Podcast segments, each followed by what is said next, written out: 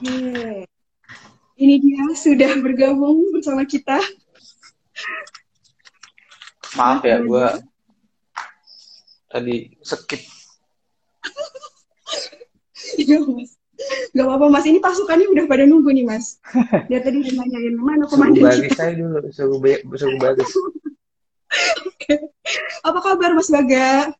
Baik, Posisi lagi di mana, Mas, sekarang?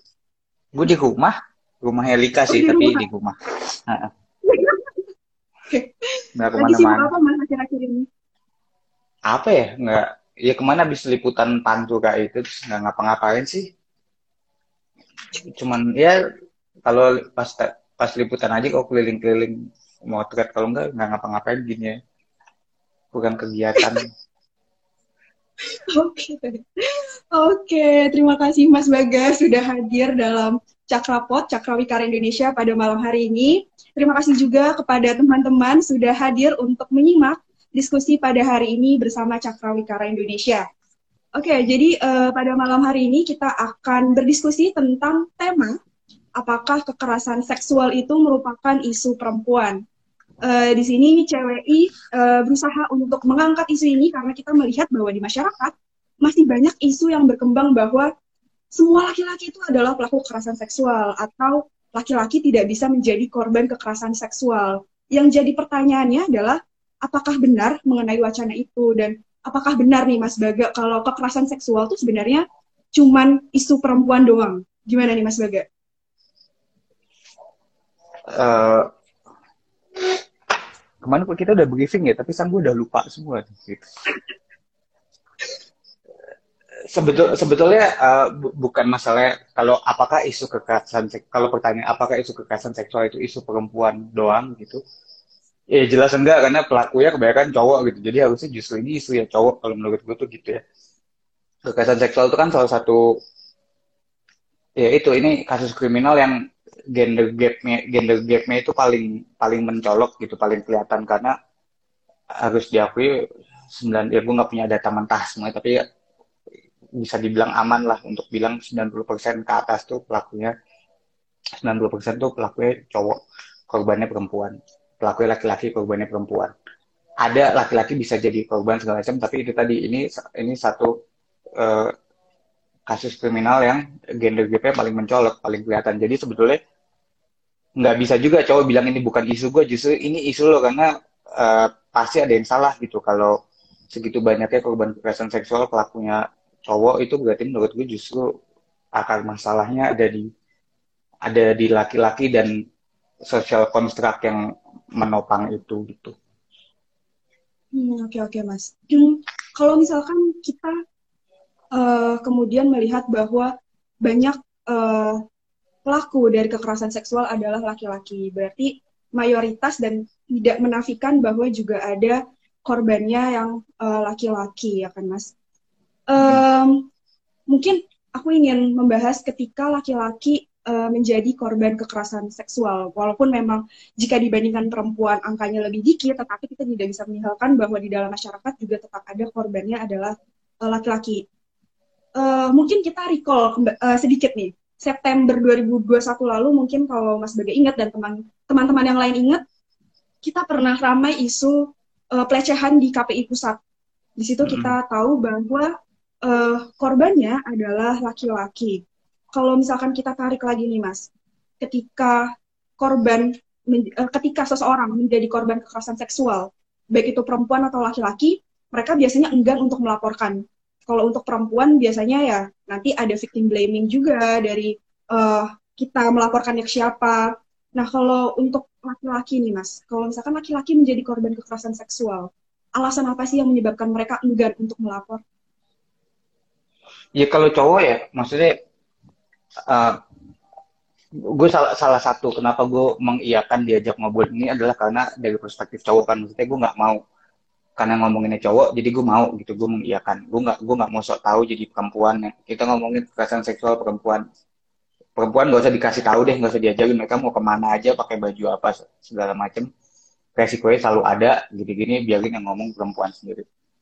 Tapi kalau cowok kan jadi kenapa cowok kalau apakah bisa jadi korban kekerasan seksual dan kalau bisa kenapa mereka enggan melapor? Ya maksudnya jangankan jadi korban kekerasan seksual cowok nangis aja udah diledekin gitu. Maksudnya ini ini kan kita karena kan kekerasan seksual itu kan sebenarnya kan bukan masalah itu kan ini kan bukan masalah perkosaan kekerasan seksual sebenarnya bukan masalah nafsu ya tapi kan masalah dominasi ya. Ini kan pasti kejahatan yang itunya tuh untuk assure dominance gitu. Jadi TKP-nya itu ada di dalam kepala.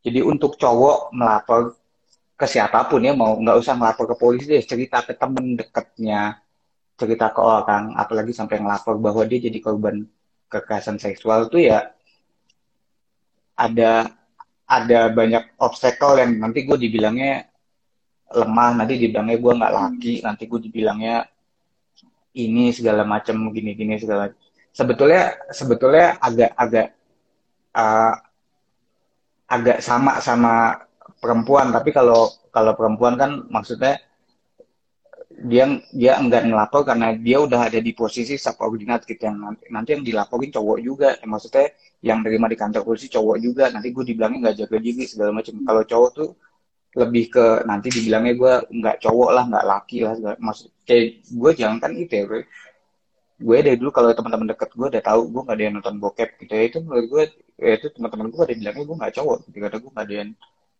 nonton bokep gitu misalnya. Apalagi kalau sampai jadi pelaku pelecehan. Apalagi kalau pelakunya cowok juga segala macam. Jadi ya itu maksudnya ada sosial kontrak yang harusnya cowok tuh harusnya kalau bisa dalam tanda kutip ya lebih diterima cowok jadi pelaku pelecehan jadi dari korban. Kalau cowok jadi pelaku pelecehan yang belain masih banyak gitu. Maksudnya masih ya, masih apologisnya tuh masih ruang apologinya masih ada. Kalau cowok hmm. jadi korban itu ruang apologi udah hampir gak ada sih. Pasti ya, ada aja yang bilang tuh segala macam. Oke oke oke. Ini menarik nih mas. Uh, tadi Mas Baga sempat mention bahwa ketika laki-laki menjadi pelaku justru itu lebih bisa diterima oleh masyarakat dibandingkan dia menjadi korban. Uh, mungkin aku ingin tanya gini, kalau misalkan nih mas, kita di dalam sebuah kelompok nih mas, kita punya teman laki-laki dia menjadi pelaku kekerasan seksual. Yang menjadi pertanyaannya, apakah ketika uh, dia adalah teman kita, pelaku kekerasan seksual, perlu kita jauhi cut off kayak ah udah deh gue gak usah temenan sama dia karena dia pelaku kekerasan seksual, atau masih tetap kita temani untuk kayak mungkin dalam proses rehabilitasi dan lain sebagainya gimana kalau menurut Mas Baga? Kalau gue sih sejujurnya ini ini pertanyaan yang agak pelik karena sejujurnya teman gue kan lumayan banyak ya maksudnya gue juga nggak tahu apa gue salah pilih circle atau gitu. teman gue tuh lumayan banyak yang akhirnya tuh jadi pelaku gitu ya maksudnya kalau netizen netizen ini pasti tau lah gitu maksudnya kayak ada teman kasus nikah sih ada ini segala macam ada beberapa circle yang gue kenal orangnya kalau kalau gue gue sih yang pertama gue nggak akan buka kontak duluan gitu ya. Maksudnya gue juga perlu mencerna dulu gitu. Kayak terus ini gimana ya? Gitu. kalau yang profesional udah pasti nggak. Kalau hubungan profesional kerjaan segala macam gue udah pasti nggak mau.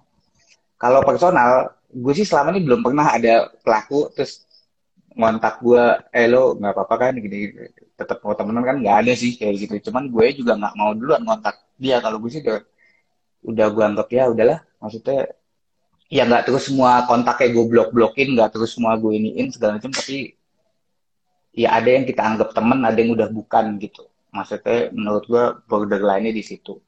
Tapi kalau urusan profesional kayak kerjaan segala macam udah pasti gue cut semua kalau itu. Kalau personal ya nggak sampai itu tadi gue nggak sampai burning the bridge gitu ya. Maksudnya nggak terus gue blok blokin gini. Tapi gue ya ya gue kayak ngasih apa ya ngasihin bahwa ya lo lagi kena masalah gue nggak approach ke lo berarti gue juga nggak mau lo deket-deket gue gitu lo ngerti nggak sih? Kayak lo nggak gue belain kan berarti lo juga nggak usah minta tolong ke gue nggak usah minta apa gue selesaiin aja masalah lo gitu aja sih kalau gue kalau hmm. profesional jelas nggak kalau personal mungkin lebih kayak gitu. Oke oke. Jadi uh, memberikan batasan mungkin ya mas ya kepada teman yang muka, yang merupakan pelaku kekerasan seksual Iya, uh, iya, makanya itu kan juga sorry, dikit soalnya kan masih itu ya maksudnya masih meraba-raba. Ini kan ini kan baru ya kayak maksudnya ada ada cancel culture, ada segala macam gini-gini. Kita semua kita semua generasi yang tumbuhnya ngelihat itu, kita semua kenal kenal sosial media, terus satu ada cancel culture ada work culture gitu terus kita masih minta gimana sih harusnya bersikap yang ideal sama pelaku misalnya gitu tadi yang gue tangkep ya itu oh kalau profesional gue jelas enggak kalau personal gue gue nggak bisa. Nanti kalau gue bilang wah personal wait, nanti ada yang bilang enggak ini lo masih ini sama ini gue juga nggak bisa ngeles gitu maksudnya. Ya itu tadi gue nggak nggak burning bridges sih maksudnya nggak terus gue blok blokin semua. Tapi gue ngasihin aja bahwa ini masalah lo uh, eh, gue nggak mau ikut ikutan apalagi bantuin gini gini segala macem kalau korbannya gue kenal jelas gue lebih ituin korbannya gitu kalau korbannya gue nggak kenal ya ya dia untung aja deh kalau korbannya gue kenal sih biasanya sih malah maksudnya gue ngasihin bahwa gue nih ke korban gitu aja sih. Ya, oke oke oke oke jelas mas. Terus uh, Mas Baga nih, uh, mungkin aku agak balik dikit. Uh, tadi kenapa kekerasan seksual merupakan isu laki-laki juga selain karena uh, pelakunya juga kebanyakan adalah laki-laki. Alasan lain apa mungkin Mas uh, yang mendasari kenapa sih juga laki-laki harus turut peduli terhadap isu kekerasan seksual ini? Ya itu dia kalau harus ikut peduli yang paling yang paling kelihatan kan pelakunya kebanyakan laki-laki. Terus kalau kita lihat lima tahun belakangan aja gitu angka kekerasan seksual ke perempuan itu selalu naik. Maksudnya dari yang paling remeh gitu sampai yang paling ekstrim misalnya uh, femicide gitu ya pembunuhan kasus pembunuhan yang korbannya perempuan gitu. Maksudnya itu itu bukan itu bukan data yang rumit lo googling juga adalah gitu. Kok komnas perempuan pernah ngeluarin data ya lima tahun terakhir angka ini selalu naik. Kalau kata anak kriminologi kan kalau ada value yang geser di masyarakat tuh refleksi pertamanya ada di kasus kriminal gitu ya. Jadi kita kalau mau melihat ini lo masyarakat value-nya lagi lagi koreksi lagi geser refleksi pantulan pertama itu di kasus kriminal. Jadi kalau kita lihat lima tahun terakhir angka kekerasan seksual dan pembunuhan perempuan yang korban perempuan itu selalu naik, ya ini berarti kita lagi merawat society, merawat masyarakat yang emang misoginis gitu, yang emang nggak ramah buat perempuan gitu, yang tidak aman sama sekali tidak aman buat perempuan.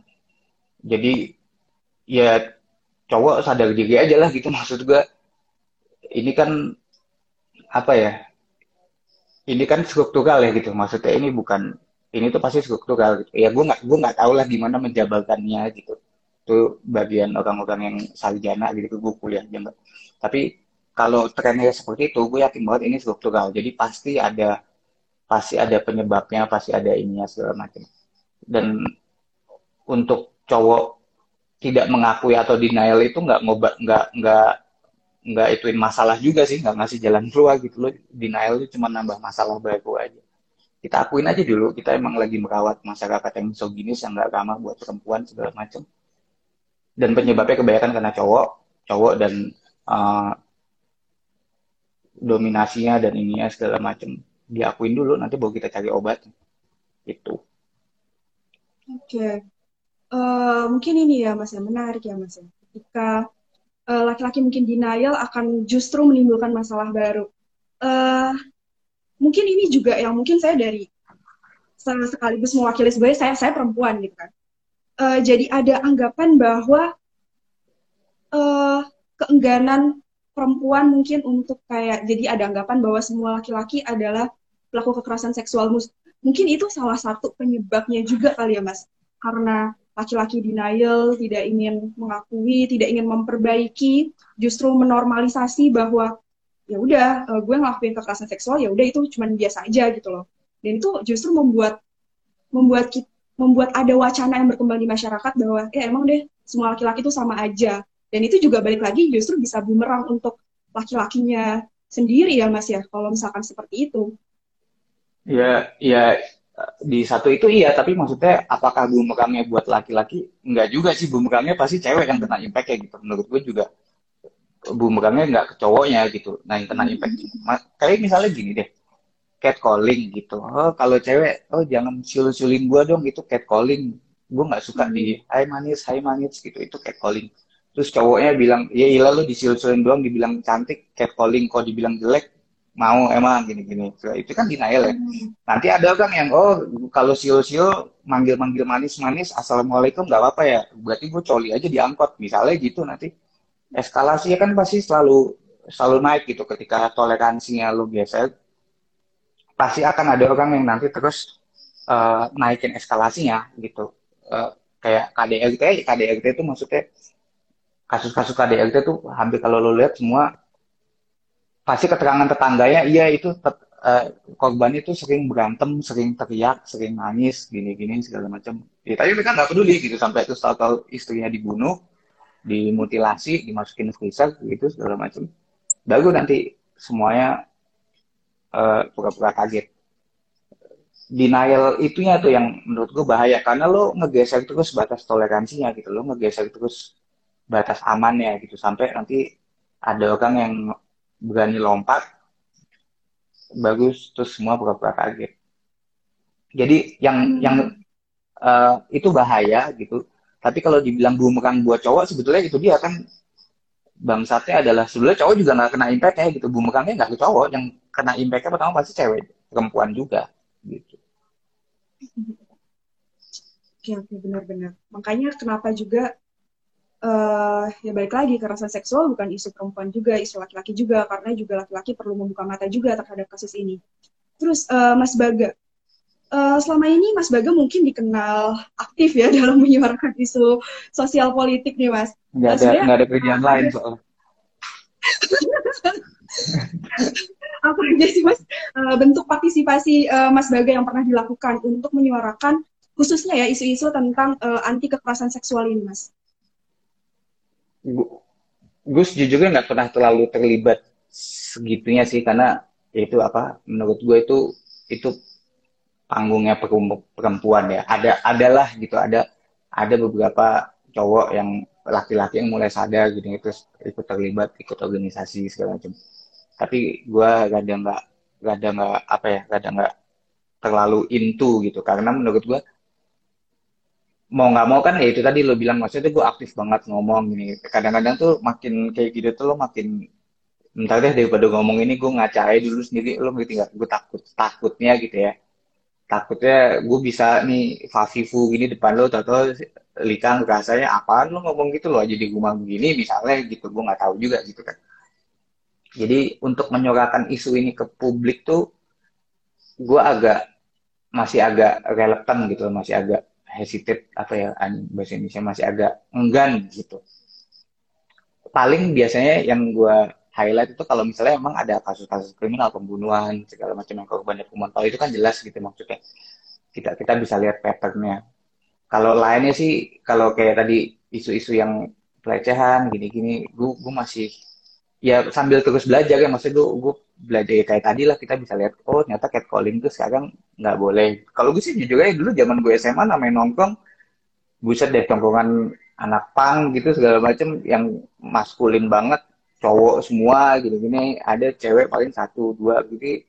Ya itu emang kalau dilihat sama buset deh bercandaannya bercandaan begitu kan gitu. Maksudnya kemarin lucu banget tuh di Twitter ada cewek ada siapa ya gue lupa deh ada yang nge-tweet. Gue baru tahu loh ada uh, terminologi ada padanan kata-kata dari istilah otomotif buat perempuan. Kayak misalnya kalau cowok tuh bercandaannya ganti oli itu coli turun mesin tuh berarti uh, pokoknya yang uh,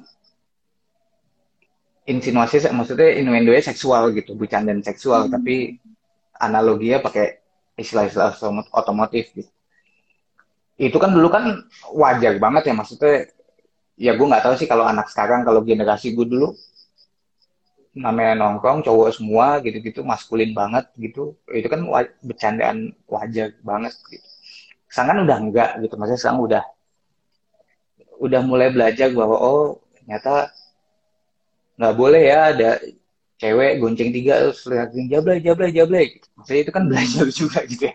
Kalau dulu kan buset deh kayak gitu gitu tuh dan karena nggak ada yang ngasih tahu jadi kita nggak ngerasa salah juga gitu kan. Sang kan banyak yang ngasih tahu. Itu salah itu nggak baik gini gini. Ya itu tadi tinggal lo mau terima apa enggak gitu. Kalau lo mau terima oke okay, itu salah berarti gue nggak mungkin gitu lagi. Atau lo masih terus denial dia ya ilah gitu doang gitu, gitu. Itu yang jadi masalah ada lebih masih lebih banyak yang lebih denial menurut gue sih gitu Hmm, Jadi tadi menjawab pertanyaan lo, mungkin gue nggak tahu aktif di itu karena gue masih juga masih mencerna karena buat gue dan generasi gue lah gue yakin gitu ini masih benda baru juga. Gitu. Jadi masih lebih melihat ke diri sendiri ya dulu kalau gue. Oke, jadi emang terus belajar terus ya mas. Sebenarnya kuncinya kita tetap membuka diri dengan pengetahuan, terus kita juga gimana melihat situasinya. Kalau misalkan emang udah ada yang masih tahu ini tuh nggak benar gitu, terus kayak masih denial masih ngelakuin itu ya ya orang itu tidak tidak berproses juga ya namanya kalau seperti ya, itu. jadi jadi lo apalagi kalau cuma denial tapi lo nggak punya argumen yang cukup gitu kan lo hmm. jadi cuma tambang aja gitu maksudnya lo jadi cuma cuma kontrarian aja cuma asal nggak mau gitu doang tapi lo nggak punya argumen cukup gitu kan kalau di kalau dilihat ya kayak kalau gue sih nggak nggak perlu argumen banyak banyak ya gitu. Maksudnya lihat angka kekerasan perempuannya kekerasan terhadap perempuannya beberapa tahun terakhir selalu naik naik naik. Buat gue itu udah udah cukup buat gue nyadar bahwa oh ini ada yang salah. Kalau gue denial gue nganggepnya gue jadi kayak anti sains gitu. Maksudnya ya datanya ada gitu. Ini jelas kita lagi lagi hidup ngebentuk di masa hidup di masyarakat yang bahaya buat perempuan nggak ramah buat perempuan ya harus diterima dulu mau gimana juga kalau cuman lo bilang enggak enggak denial tapi nggak punya argumen yang cukup ya ya diketawain orang aja sih kayak gitu. Hmm, oke okay, oke okay, oke. Okay. Dan banyaknya juga justru terjadinya itu di tongkrongan kita sendiri ya Mas ya, di circle kita sendiri yang mungkin disadari atau tidak disadari justru menormalisasi bentuk kekerasan seksual itu dari jokes-jokes yang mungkin tadi Mas Baga bilang ya justru istilah-istilah yang digunakan untuk mengobjektifikasi perempuan itu ya Mas ya. Iya ya, maksudnya kan emang biasa kan justru di circle, ya paling itu kan di circle dekat. Tapi gue gue juga maksudnya kan gue bukan jadi orang yang lagi nongkrong terus ada orang itu soto, eh pelecehan pelecehan nggak nggak gitu juga maksudnya. Ya nggak mau juga jadi party pooper segala macam tapi paling nggak itu kan itu ya maksudnya dibentuk gitu ya nggak nggak yang ujuk-ujuk orang lagi gini terus lo tunjuk-tunjuk gue itu salah itu pelecehan. Gitu enggak tapi yang udah gue jalanin sih selama ini maksudnya kalau sudah terbiasa gitu dengan cara apa pun mengkoreksi nanti lama-lama juga orang itu kalau mau ngejokes atau mau kayak gitu-gitu ya dia akan nggak enak sendiri. Jadi lama-lama jokesnya hilang lama-lama. Gitu sih. Jadi sebetulnya gimana caranya supaya tahu dulu kalau itu salah. Jadi orang orang kan kalau salah kan malu ya maksudnya. Kalau dia udah tahu salah jadi dia mau kayak gitu tuh juga malu. Ya mungkin nanti aja akan nyoba di circle lain ya itu udah urusan dia lah. Tapi paling nggak kalau di circle gua gitu misalnya ya lo nggak bisa kayak gini. Lo nggak bisa pakai jokes gitu misalnya. Ya sama lah kalau orang nongkrong di circle gue lo nggak bisa tau tau ngebecandain, wih nego nego gitu. Nggak mungkin bisa lah dia udah tahu bisa digelasin orang begitu bisa dikepuk botol. Kenapa kenapa kan kalau rasis bisa dikepruk botol gitu dia udah tahu jangan rasis nanti di kepruk botol. Kenapa kalau bercandain yang pelecehan dia ngerasakan baik-baik saja kan itu ya dikasih tau aja lo kalau bercanda yang kayak gini-gini juga nanti lo bisa dikepruk botol juga. Hmm oke oke oke oke oke. Oke nih mas uh, terus nih mas membicarakan tentang mungkin uh, kampanye atau membicarakan tentang kekerasan seksual ini Hmm. Sebenarnya apa sih mas yang menjadi hambatan laki-laki itu masih minim keterlibatannya dalam kampanye kekerasan seksual karena selama ini yang kita lihat mungkin lebih banyak memang perempuan yang menyuarakan isu ini. Ya pertama itu maksudnya ya kenapa perempuannya lebih banyak ya karena perempuan yang paling dirugikan itu kan jelas yang saya maksud akal ya karena perempuan yang paling kena dampak ya perempuan yang paling dirugikan kenapa cowok masih enggan gini-gini karena tadi menurut gue uh, pelecehan, kekerasan seksual gitu. Itu itu perkara dominasi gitu. Itu bukan cuman orang lagi sange gitu terus aduh kilaf gitu. Enggak, itu tuh perkara dominance. Jadi TKP-nya tuh di dalam kepala. Ya cowok juga nggak mau. Maksudnya ya kan selama ini mereka yang punya dominasi gitu. Mereka juga sebenarnya nggak mau privilege itunya tuh disenggol-senggol. Jadi hmm. mereka juga apa ya kan lucu ya cowok itu kan merasa paling dominan tapi di saat bersamaan mereka paling insecure ya maksudnya nggak ada cewek milok-milok vagina di tembok pasti cowok yang milok-milok gambar titik di tembok gitu karena dia cowok tuh merasa harus selalu diyakinkan bahwa nih lo gue punya titik gitu loh sampai dipilok-pilokin di tembok sampai adalah cowok ngirim gambar titik ke cewek. Jadi kayak 24 jam dia harus diyakinkan bahwa oke okay, lo punya titik gitu. Jadi dominasi itu yang sebetulnya nggak mau diganggu gitu. Mereka sadar mereka punya dominance mereka sadar mereka punya dominasi mereka sadar itu privilege gitu gitu ya nggak mau diganggu. Gue maunya kalau gue ngebecandain perkosaan gue maunya ya dianggap wajar. Kalau misalnya ada cewek pakai baju kebuka terus gue ngelecehin ya gue maunya cewek yang disalahin gitu. Kalau bajunya udah ketutup masih dilecehin ya berarti kurang ketutup gitu. Bukan salah gue gitu-gitu aja terus. Gitu maksudnya mereka sadar mereka punya dominasi dan mereka sadar itu privilege. Jadi mereka sebetulnya nggak mau aja itu di di senggol-senggol terus sederhana itu sih kalau gue bilang. Berarti memang apa ya patriarki yang masih berkembang di masyarakat ini memang memang masih terlihat jelas ya mas ya uh, sampai sekarang ini. Bahwa memang uh, dominasi laki-laki dan relasi kuasa yang ada menyebabkan juga eh, laki-laki juga enggan terlibat dalam uh, isu kekerasan seksual ini juga. Masih minim mungkin keterlibatannya. Iya, dan itu kan itu kan long way back ya maksudnya dari kalau kenapa sih kok patriarkinya atau dominasi cowoknya atau ininya bisa sampai kayak gini ya itu kan long way back banget gitu maksudnya dari maksudnya untuk mendekonstruk untuk membongkar itu tuh emang nggak susah karena udah ya dari zaman orde baru kan maksudnya udah perempuan tuh di rumah gini-gini segala macam hmm. ini uh, yeah. negara pemerintah itu bapak rakyat itu anak dalam maksudnya udah udah udah gitulah gitu. Jadi emang emang gue tahu ini bukan benda gampang buat nge dikonstruk buat ngebongkar ini gitu. Tapi ya tetap harus dijalanin maksudnya. Eh daripada enggak gitu mendingan pelan pelan gitu. Hmm, hmm, hmm, Iya, mas sampai ada uh, istilah kalau misalnya perempuan itu udah tugasnya nih sumur dapur kasur. Karena mm -hmm. ya uh, domestik aja. Jadi itu juga yang menyebabkan kasihan yang rumah yang nggak ada sumur kayak kan rumah gue nggak ada sumur gitu gimana bener juga Coba kalau kalau Lika cuma di dapur sama di kasur yang cari duit siapa kan kasihan mungkin. Gue nggak bisa ngapa-ngapain juga. Gue sih senang Lika kerja, jadi gue yang di rumah. oke oke mas Baga terus gimana uh, menurut mas Baga nih uh, ada gak sih mas uh, hal yang disarankan mungkin untuk laki-laki uh, mendorong keterlibatan lebih banyak untuk penghapusan kekerasan seksual untuk tidak mentoleransi bentuk-bentuk kekerasan seksual. Itu apa yang bisa dilakukan sih mas untuk laki-laki di masyarakat? Pertama sih menurut gue kurangin ngomong banyakin denger kayak maksudnya kalau pengalaman gue gue yakin sebetulnya ya kayak misalnya kita punya satu circle yang ada ceweknya gitu. Terus kita bercanda-bercanda yang nggak nggak itulah gue yakin soalnya ceweknya nggak nyaman tapi dia mau ngomong tuh nggak enak atau nggak berani gitu gitu karena ini mulai dari circle terdekat aja dulu ya.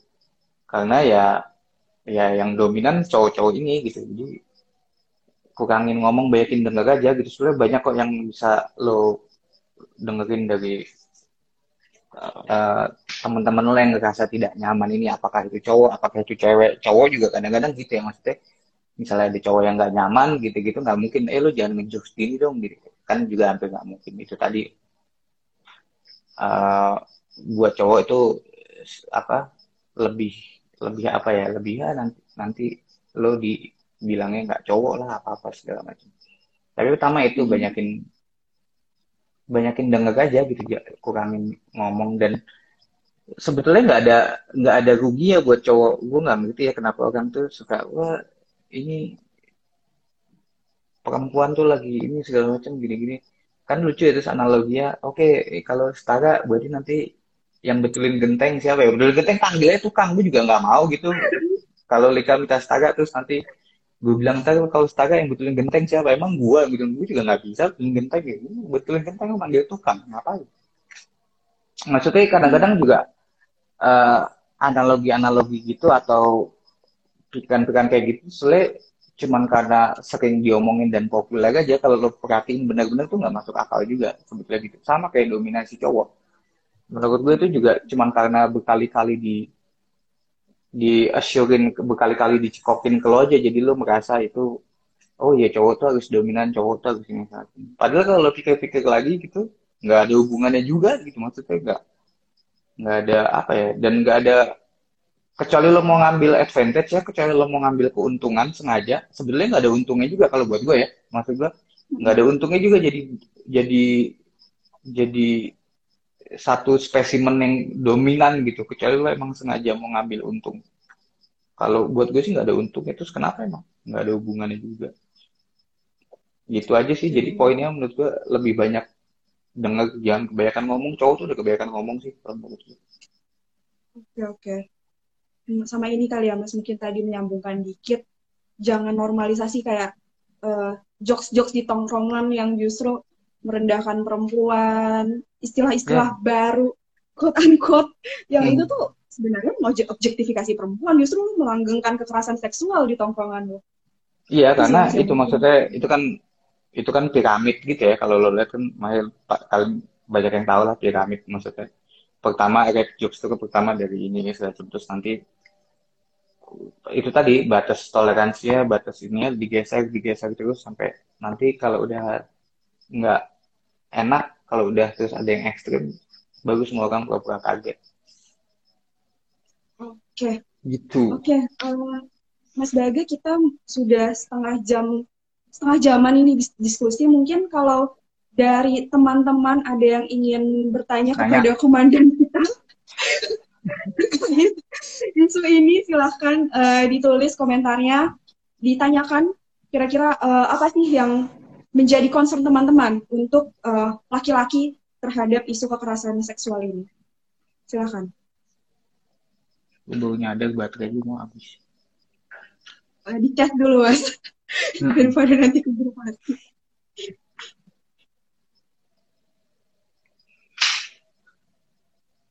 Udah, nggak ada yang nanya. Oke. Okay. Oke, aku yang nanya nih Mas mungkin. Apa? aku yang nanya.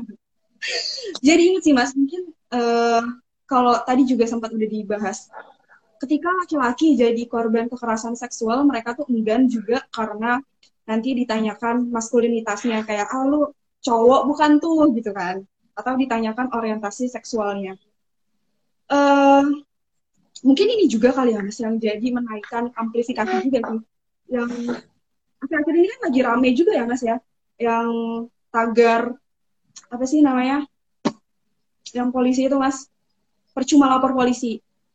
Ya karena kita melihat bahwa oh, uh, itu bahwa percuma lapor polisi ya kita melihat juga bahwa kekerasan seksual ketika dilaporkan oleh polisi, uh, instead of kasusnya terselesaikan, justru malah disalahkan. Mungkin gitu juga kali ya Mas ya, atau bagaimana dari Mas Baga? Ya soalnya polisi atau ya, penegak hukum polisi sih sebetulnya. Kalau yang lainnya gue nggak tahu tahu sih polisi yang lumayan. Itu kan institusi yang maskulin banget ya, maksudnya apalagi polisi gitu lo lihat lu lihat aja acaranya 86 tuh kan maskulin banget gitu isinya orang assuring dominance gitu bentak-bentak orang buru bagian orang nongkrong segala macem nangkep-nangkep tembak-tembakan segala macem. Ya, maco banget lah. Polisi itu institusi yang maskulin banget. Jadi jangankan yang itu tadi jangankan yang pelakunya cowok eh jangankan yang korbannya cowok yang korbannya perempuan aja juga gue yakin mereka pasti kan gitu ala jangan-jangan bilang aja kamu suka. Kalau cewek digituin kan bilang aja kamu suka juga emang kamu nggak nikmatin gitu-gitu segala macam. Karena itu kan POV cowok ya. Maksudnya itu kan itu kan perspektif cowok gitu. Makanya terus dibikin P2TPA itu yang pengaduan perempuan gini-gini segala macam. Tapi gue yakin petugas-petugasnya walaupun petugasnya kebanyakan perempuan yang di pelayan pengaduan itu tapi mereka tetap aja mereka lingkungannya itu maskulin banget. Jadi bahwa itu nggak terlalu berfungsi itu gue udah ya udah nebak lah gitu. Maksudnya nggak kaget apalagi kalau korban yang cowok. Kalau gue sih ya ada beberapa cerita yang gue denger gitu maksudnya jangan harap deh lo korban pelecehan cowok terus lo ngelapor ke polisi tuh menurut gue kayak iya lo kalau nggak lo hilang duit hilang muka udah pilihannya itu aja sih. Hampir nggak mungkin sebetulnya ditindak lanjutin kemarin KPI itu kan juga ditindak lanjutin karena karena udah rame banget kan akhirnya beberapa tahun jadi cuekin yang di Luwu itu juga korbannya perempuan masih anak-anak gini-gini petugasnya yang di P2T 2PA itu perempuan gini-gini tapi ya itu nih jangan-jangan yang dites kejiwaan nanti ibunya jangan-jangan ibunya halu jangan-jangan ibunya gila itu karena memang institusi itu tuh maskulin banget jadi yang toxic itu makanya kan dibilangnya toxic masculinity gitu ya. hmm. memang memang maskulinnya yang yang toxic yang bikin cowok tuh jadi ngerasa itu tadi cuman cowok yang ngerasa perlu pamer punya titik nilok-nilok gambar titik di tembok itu kan cowok doang. Itu kan rasa dari itu maskulinnya. Itu sih yang menurut gue beracun banget yang ya dan itu tadi apa kalau ditanya rugiin cowok nggak sih? Ya sebetulnya ada ada juga sih rugiin cowoknya gitu. Ya misalnya gitu lo jadi nggak lo expect cowok nangis kan gitu-gitu ya gitu. Jadi ya oh. nggak Oke oke, emang nah. challenging banget sih. Emang PR PR kita tuh masih panjang banget ya Mas ya berarti yeah. untuk kekerasan seksual ini emang benar. Uh, oke, okay, ini udah ada pertanyaan yang masuk nih Mas Gaga. Yeah. Ada pertanyaan dari Chip Street Market. Dan kalau misalkan di tongkrongan, uh, ceweknya fine-fine aja untuk dibecandain hal-hal yang tabu, itu tuh gimana? Iya, iya itu, uh, ini kan gini ya, ini soalnya nggak kepake kecuali kalau si perempuannya sendiri yang ngomong itu pun juga harus ini kalau udah ada cowok yang ngomong tapi perempuannya baik-baik itu menurutku udah nggak perlu dijawab dan nggak perlu didengerin lagi sih gitu. Ya itu menurut lo aja gitu.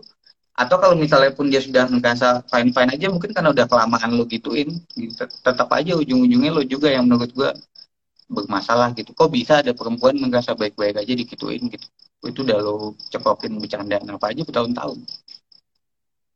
Itu sih. Hmm, oke oke. Jadi ya emang kita kalau kita udah tahu itu gak benar ya harusnya kita stop. Walaupun si perempuannya mungkin ngerasa biasa-biasa aja. Yeah. karena di balik dia biasa-biasa aja ada pertanyaan lain nih kok bisa dia menganggap itu biasa-biasa aja? Gitu ya mas ya? Iya menurut gue sih gitu. Oke. Okay. oke okay. ini ada pertanyaan lain nih mas dari Isyanazu dan tanya kalau kawan kita dalam pertemanan ada yang cabul dan korbannya tuh teman kita juga enaknya digimanain? Nah, mungkin tadi udah sempat dibahas juga sama Mas Jadi teman lo cabul gini, gue nggak tahu ya kalau ini kan pelik karena sih tahu sendiri ya maksudnya gue juga uh, gue gue ngalamin gitu. Yang yang paling benar sih sebenarnya kalau gue ya gitu yang paling bisa dilakukan lo kasih tahu ke dia bahwa lo nemenin korbannya gitu loh. Maksudnya lo jangan aneh-aneh ya gitu. Kalau lo masih aneh-aneh gitu lo masih mau nyoba ini aneh-aneh ke korbannya gue nemenin korbannya gitu. Paling nggak menurut gue itu yang agak bisa dilakuin. Karena kan juga nggak bisa nih lo bilang ke korbannya ayo lapor polisi gini ayo ayo ayo kita kalungin ban dalam. Itu kan semua terserah korbannya juga ya. Maksud maksudnya korbannya mau penyelesaian model apa gitu uh, menurut dia maunya diramein dilapor mau lapor polisi dibawa ke hukum atau cuma diramein di sosmed misalnya atau yang penting pelakunya minta maaf. Menurut gue juga itu yang penting korbannya dulu aja yang didengerin maunya kayak gimana sih? Kalau gue sih itu dulu sih paling enggak lo tadi kan soalnya kan korbannya katanya temannya sendiri. Pelakunya temannya hmm. sendiri korbannya juga temannya sendiri. Jadi approach ke korbannya aja dulu. Dia maunya tuh kayak gimana? Orang tuh kadang butuh didengerin aja dia tuh maunya apa kalau dia mau cuman yang penting korbannya yang penting pelakunya minta maaf gitu ya lu juga nggak usah maksain eh kita ramein segala macam kita spill segala nggak usah gitu juga. Kalau dia maunya apa gitu yang penting didengerin aja dulu maunya kayak apa. Nah pelakunya isolate aja menurut gue apa ya? Gue kalau gue sih nggak merasa perlu butuh ngebantuin pelaku ngebela diri. Karena nanti dia juga pasti nemu jalannya lah buat ngebela diri. Yang apa pun jalannya yang pasti gue nggak mau ikut bantuin gitu. Ya udah lo nanti nemu lah lo mau ngebela diri nanti lo nemu lah jalannya. Yang penting nggak lewat gue kalau gue sih gitu aja. Hmm oke okay, oke okay, oke. Okay. mungkin ini juga ya mas ya yang uh, kadang tuh uh, salah dipersepsikan oleh masyarakat ketika ada teman kita mungkin kita kenal menjadi korban kekerasan seksual, kita merasa perlu uh, memberikan keputusan untuk dia kayak udah lo lapor aja, udah kita spill aja. Yang Jasri dan orang-orang tuh uh, berfokusnya pada pelakunya gimana nih kita bisa menghukumnya instead of gimana nih si korbannya kita pulihkan dan lain sebagainya kita tidak memberikan opsi kepada korban kita melupakan si korban ini itu ya mas yang sering uh, yeah. ada di sekitar kita justru ya. disayangkan yeah. sekali mm -mm. oke okay. terus ini ada lagi nih mas dari pemeluk oh, underscore waktu oke okay. lagi ramai nih mas pasukannya ada pertanyaan apakah dengan menutup aurat bisa mengurangi hasrat untuk melakukan pelecehan? Gimana tuh, Mas? Itu tadi menurut gue uh, masalahnya itu bukan di bukan di nafsu gitu loh, bukan kalau lo pakai baju lebih kebuka terus orang lebih nafsu kalau tertutup nggak lo kalau lihat tren-tren belakangan sekarang lo lihat paling gampang deh. Bokep gitu bokep-bokep uh, yang amatir ya maksudnya bokep-bokep yang pakai handphone segala macam. Yang paling banyak di itu kan yang pakai jilbab gitu maksudnya. Itu itu itu kelihatan ya karena trennya memang 10 tahun belakangan perempuan yang pakai jilbab jadi makin banyak gitu. ya terus juga menurut gua uh, cowok tuh juga apa ya ya karena dominasi gitu. Oh jadi bukan berarti terus kalau lebih kebuka auratnya bajunya terus cowok lebih nafsu kalau ketutup jadi nggak nafsu tuh nggak gitu. Karena ini bukan masalah nafsu ini masalah dominasi. Ya, oh lo nutup ini lo nutup badan lo gitu. Ya kalau gue buka berarti gue bisa berhasil mendominasi lo kan gitu aja gitu. Kalau bisa kalau gue bisa apa misalnya apa ya gue gue agak gue agak bingung nyari kata-katanya karena karena gue nggak terlalu into itu sih tapi tapi gue bisa paham gitu jadi ada kayak ya itu penasaran buat mendominasi itu cowok tuh yang nggak pernah itu tuh di sebelah situnya gitu. jadi bukan masalah bajunya nggak nggak mungkin gitu apa nggak nggak nggak nggak connect apa yang lo liatin ke cowok sama apa yang di kepala cowok buat mendominasi lo tuh menurut gue nggak nggak nggak ada hubungannya gitu. Lu mau nutup pakai buka juga mau cuman mata ya doang yang kelihatan kalau ada cowok merasa pengen dia bisa itu dominasi atau ya kejadian aja. Jadi nggak ada hubungannya. Karena emang kekerasan seksual itu terjadi karena ada di otaknya si pelaku itu ya mas ya. Bukan karena masalah si pakaian si korbannya. Ya, makanya makanya tadi bilang ini relasi kuasa ini dominasi karena hubungannya tuh ke situ bukan masalah ke bajunya hmm. gitu betul betul betul Justru ada bayi tiga bulan diperkosa gitu kan bukan karena dia nafsu gitu itu kan karena dominasi. Iya. Kenapa ada nenek-nenek hmm. itu delapan lima kenapa ada ini? Hmm, oke oke benar benar benar benar mas. Kalau kita melihat justru karena baju uh, mungkin ada perempuan yang menggunakan baju terbuka, justru nanti itu menjadi alasan untuk pelaku menyalahkan si perempuan itu salah siapa lo pakai baju terbuka. Itu jadi alasan lain lagi ya mas untuk kemudian menyalahkan si korban.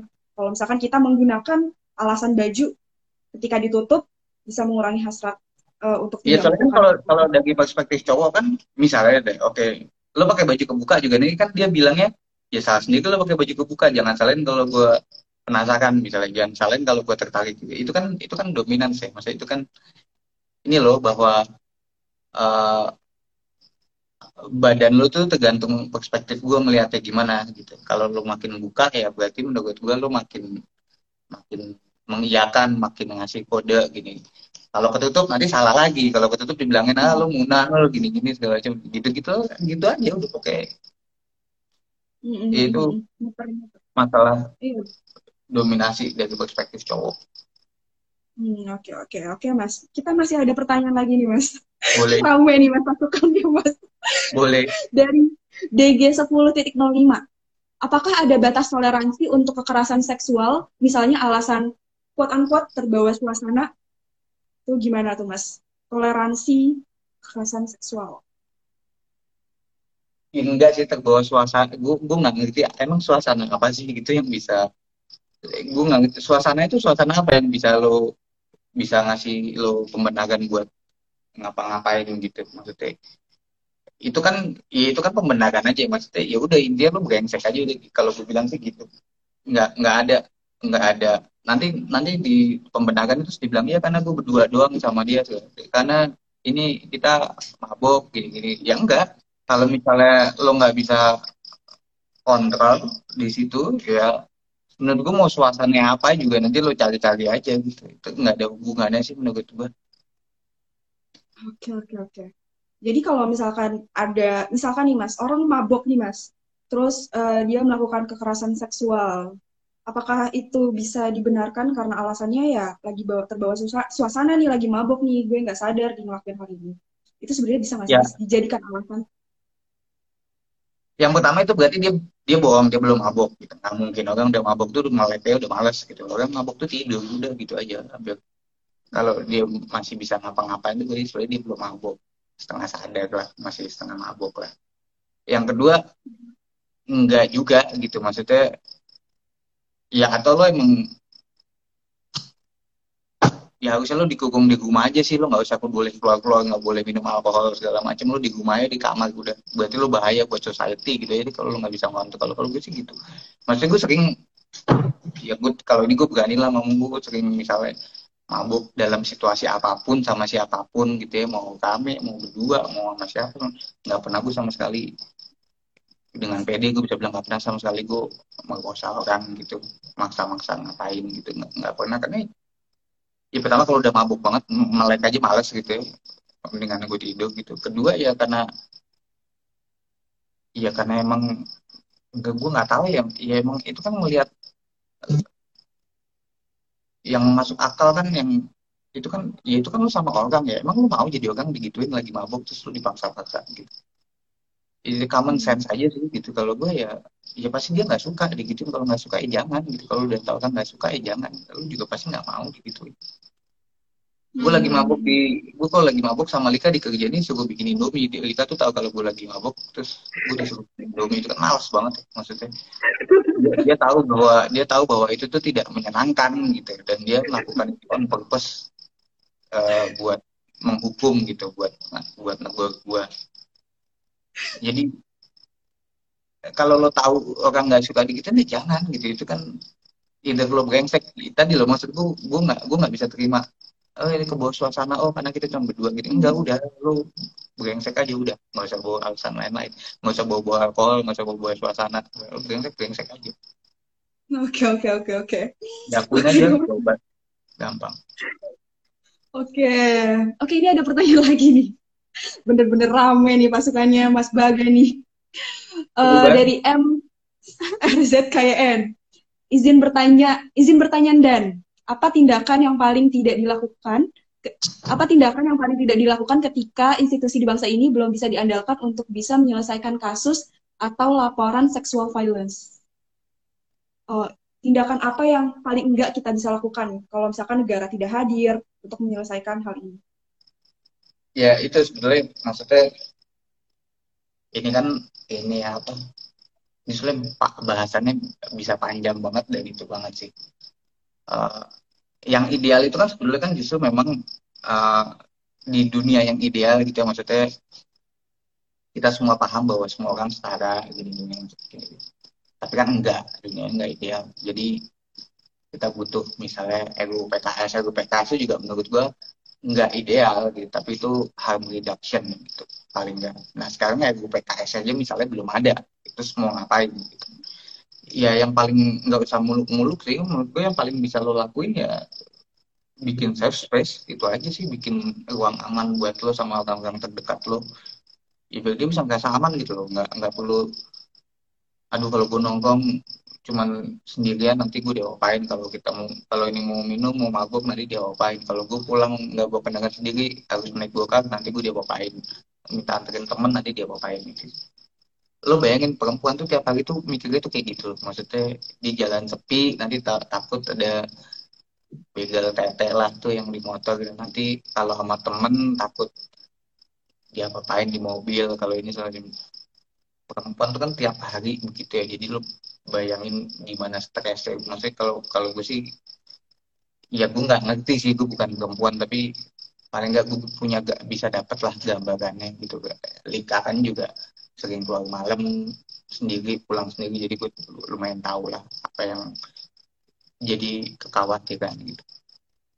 Ya paling benar bikin safe space menurut gue sih gitu dan jangan toleran jangan jangan toleran orang-orang yang jadi pelaku. Orang ini orang-orang ini kan yang jadi masalah kan orang-orang ini kan merasa merasa baik-baik saja karena buat dia toleransinya gede gitu loh nanti nanti masih bisa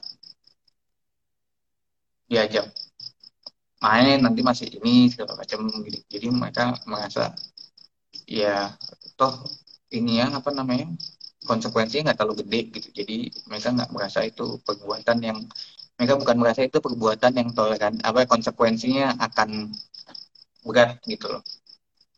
Oke. Okay. Jadi ya emang uh, kita dari kitanya sendiri juga perlu membuat safe space. Oke, ini uh, apakah internet saya atau internet Mas Baga ya yang uh, muter? Oke, teman-teman, apakah aman? Oke, dari Mas Baga ya mungkin ini. Oke, sambil kita menunggu, mungkin tadi sedikit ya dari saya.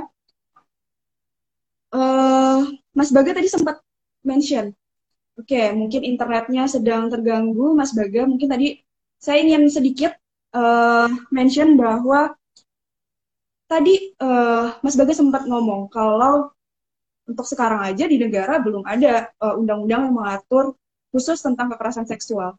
Ini mungkin yang perlu kita ketahui bersama bahwa uh, September kemarin uh, Balik DPR melakukan revisi terhadap RUU PKS dan kemudian mengubahnya menjadi uh, RUU tindak pidana kekerasan seksual, kemudian mereduksi bentuk-bentuk kekerasan seksual dan uh, hak-hak korbannya.